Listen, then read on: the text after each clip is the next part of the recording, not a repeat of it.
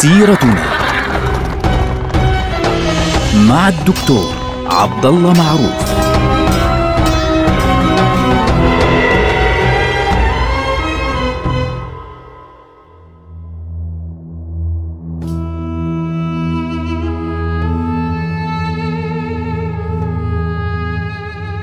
السلام عليكم ورحمة الله وبركاته. سيرتنا سيرة هذه الأمة ونحن الآن مع دولة بني أمية، الدولة الأموية وفي أحلك أوقاتها بعد وفاة هشام ابن عبد الملك.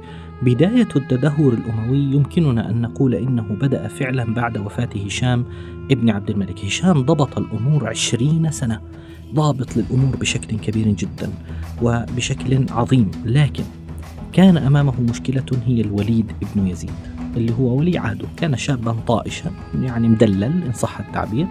وكان يحاول هشام أنه يوطئ الأمر ويسهله لولده معاوية ابن هشام ولكنه مات معاوية قبل وفاة هشام فبالتالي اضطر هشام أن يتعامل مع الواقع أنه والله فيش مجال والوليد سيكون الخليفة من بعده. بعد وفاة هشام بن عبد الملك بويع الوليد بن يزيد في مدينة دمشق خليفة. هذا الرجل يعني كان آه شو بدنا نسميه؟ كان خليفة يلقب طبعا يلقبونه بالخليفة الفاسق. آه كان كان عنده مشاكل كثيرة جدا. يعني كان يشرب الخمر كان ينتهك الحرمات. تذكر بعض الروايات اللي يمكن أن يكون بعضها تشنيعا عليه. إن صح التعبير أنه أراد الحج ليشرب فوق ظهر الكعبة ليشرب الخمر فوق ظهر الكعبة. يعني هذه قد تكون دعايات انتشرت في ذلك الزمن بين الناس ربما تكون دعايات سياسية. لكن الذي نعرفه عنه فعليا أنه كان ماجنا أنه كان شروبا للخمر. يعني لما قتل أخوه سليمان بن يزيد أخوه قال بعدا له أشهد أنه كان شروبا للخمر. ماجنا فاسقا فبالتالي كان معروف عنه إنه واحد يعني ولا حبة ولا نتفة ليس له من شؤون الحكم فعليا إلا الاسم. لكن في المقابل هذا الرجل كان آه كريما إن صح التعبير، يعني أزاد الأعطيات للجند، أعطى خادم للعميان، للمجذومين، للناس، أعطاهم خدما، زادهم أموالا كثيرة، كان يظن إنه بإمكانه بكل بساطة أن يعني يتمكن من السيطرة على الخلافة من خلال المال، فمقته الناس وكرهوه كرها شديدا جدا. أيضا في المقابل كان عنده مشاكل مع أولاد عمه. يعني اللي كان عنده كل واحد كان قد نصح هشام ابن عبد الملك بإزالته من ولاية العهد انتقم منه وكان لديه عصبية شديدة جدا تجاه جزء من العرب هم العرب القيسية مثل يزيد ابن عبد الملك. وهذا الأمر أدى إلى الثورة في ضد حكمه بزعامة يزيد ابن الوليد ابن عبد الملك. طبعا هو لاحظوا اسمه الوليد بن يزيد ابن عبد الملك. ابن عمه هو يزيد ابن الوليد ابن عبد الملك يعني اللي هو ابن عمه مباشرة ويسمى أيضا يزيد الثالث. فيزيد الثالث كان معه اليمنية اللي هم أهل الجنوب ونجح بالإستيلاء على دمشق. نجح بأن يستم... أن... يأخذ دمشق بالقوة من الوليد بن يزيد ثم بعد ذلك حاصره في بلده حيث كان قد اعتصم في أحد قصوره وتمكن من قتله. طبعا يزيد الثالث عندما هاجم الوليد كانت الحجة عنده أنه هذا خليفة ماجن فاسق. طبعا اليوم للعلم يوجد عندنا دليل قطعي على هذا الأمر أنه هذا الخليفة كان واحد يعني فاسق إن صح التعبير أو ماجن إن صح التعبير. يوجد قصر في الأردن قصير صغير هيك اسمه قصر عمرة. هذا في الصحراء الأردنية. هذا القصر بني في زمن هشام بن عبد الملك لما كان الوليد الثاني عبارة عن ولي العهد يعني شاب في الصحراء يعني كان يعني همه الأساسي أن يشرب الخمر ويروح في الصحراء يصيد هنا وهناك إلى آخره. فبني هذا القصر. هذا القصر لما تدخل اليوم تجد فيه يعني صور بعضها يعني غير لائق فعليا. وتبين لنا أن الوليد كان منغمسا في حياة الترف بشكل كبير جدا. وبعض الصور على فكرة تم محوها لأنه طبعا في زمن قديم تم محوها لأنها يعني كثير مزودها كثير. لكن في نفس الوقت يعني هذه الصور مهمة جدا لأنه تبين لنا أيضا أنواعا من الملابس وطبيعة الحياة في الصحراء إلى آخره. آه، لما ثار عليه ابن عمه يزيد ابن الوليد يعني تمكن يزيد من قتله وقطع رأسه فعليا عندما آه، قتل. و اتهم في ذلك الزمن بأنه كان قد كفر وأنه ألحد ولا أخي لكن يبدو أن الأمر لا ليس كذلك. يعني الذهبي يقول لم يصح عن الوليد كفر ولا زندقة بل اشتهر بالخمر فخرجوا عليه لذلك. طبعا مش الخمر فقط يعني اشتهر بالخمر وبالمجون إن صح التعبير. بعد وفاته استلم الأمر بالقوة. يزيد الثالث. يزيد الثالث هذا الرجل يعني خلافته كانت ستة أشهر ليست أكثر. ويسمى بيزيد الناقص. يسمى يزيد الناقص. ليه؟ هو جاء بانقلاب عسكري بانقلاب عسكري بالقوة. يعني استلم الحكم في منطقة المزة في دمشق ودخل مدينة دمشق ثم آه آه ثم أول شيء فعله أنقص أعطيات الجند والناس. يعني الأشياء التي زادها الوليد الثاني أنقصها يزيد. فلذلك كان يسمى يزيد الناقص. كان يقول إنه هذا الأمر لا يصح يعني هذا تبذير الأموال بهذا الشكل للجي يعني للجيش وشراء الناس بالأموال هذا غير مقبول وغير آه لا نقبل به ونرفضه تماما. وقام خطيبا في الناس فقال أما بعد والله ما خرجت أشرا ولا بطرا ولا طمعا ولا حرصا على الدنيا ولا رغبة في الملك وإني لظلوم لنفسي إن لم يرحمني ربي ولكني خرجت غضبا لله ولدينه.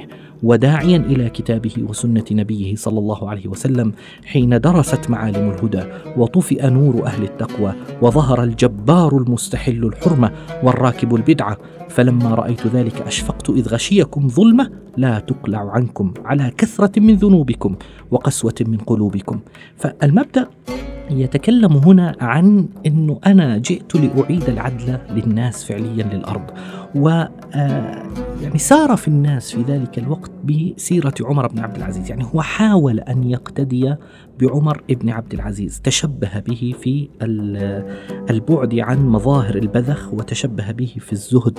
و آه، لكن في نفس الوقت كانت الأمور عنده صعبة.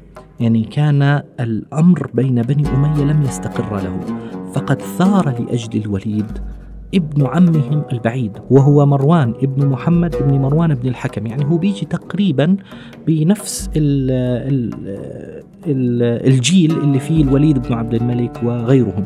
يعني بيكون ابن عمهم مباشر. فمروان بن محمد ثار لأجل الوليد ابن يزيد واعتبر أنه الانقضاض على الحكم بهذه الطريقة مرفوض رفضا قاطعا وبالتالي ثار ضد يزيد الثالث وبدأت الاضطرابات داخل البيت الأموي.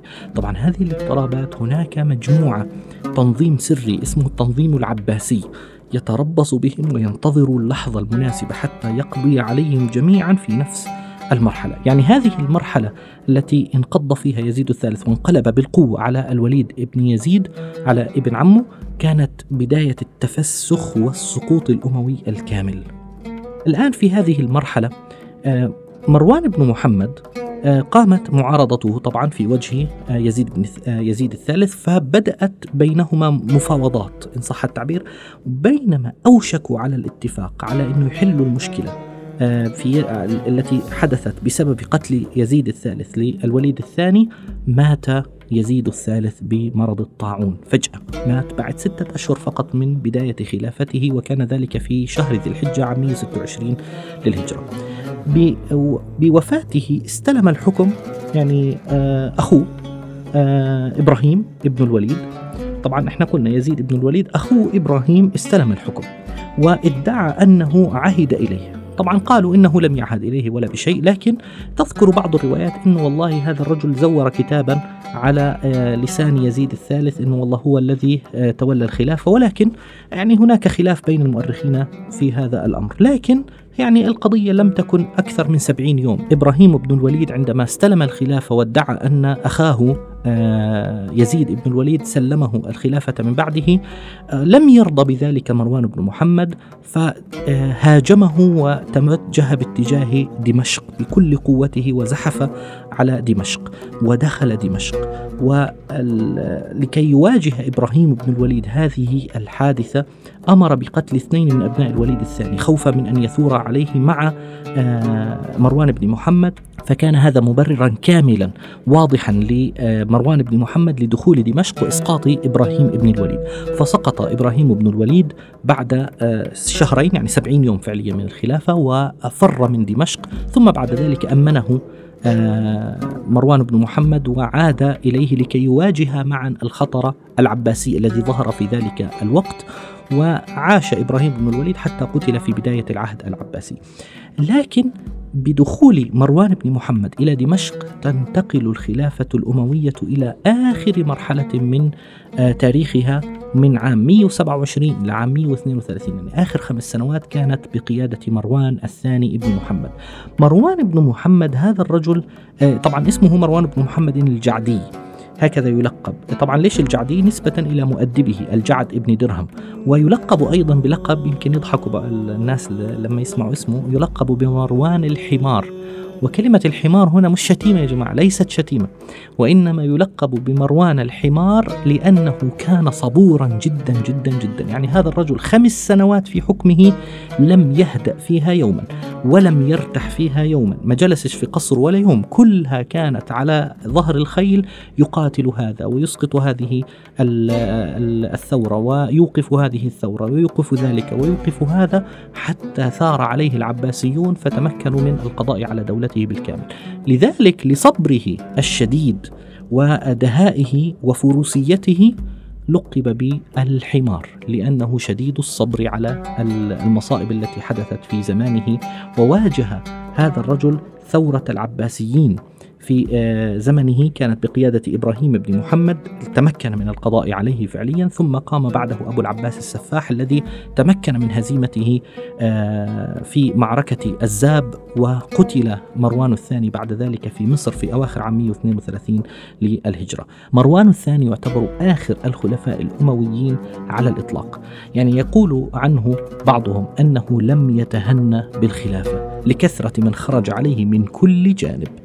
فخرج عليه بنو العباس وخرج عليه إخوته وخرج عليه أبناء عمه وخرج عليه عدد كبير جدا من الناس فانتهى الأمر به في معركة الزاب بعد أن آه، سقط فيها وفر منها إلى الشام ثم بعد ذلك فر إلى مصر وتمكن صالح بن علي آه، اللي هو أحد قادة العباسيين من القضاء عليه في مصر عندما التقى به في قرية بصير في مصر وقتل في ذي الحجة من عام 132 للهجرة.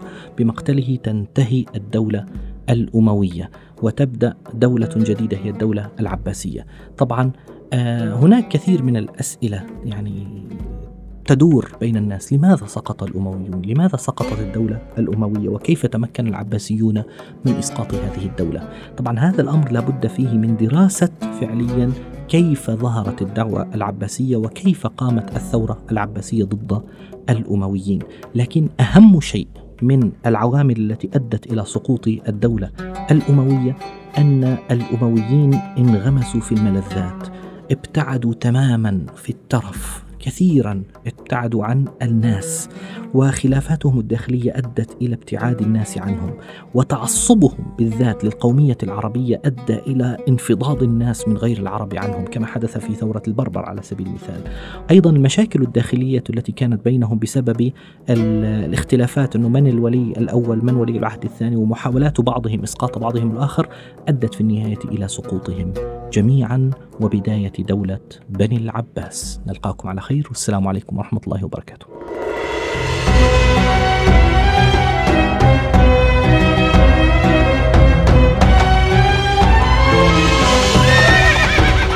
سيرتنا مع الدكتور عبد الله معروف.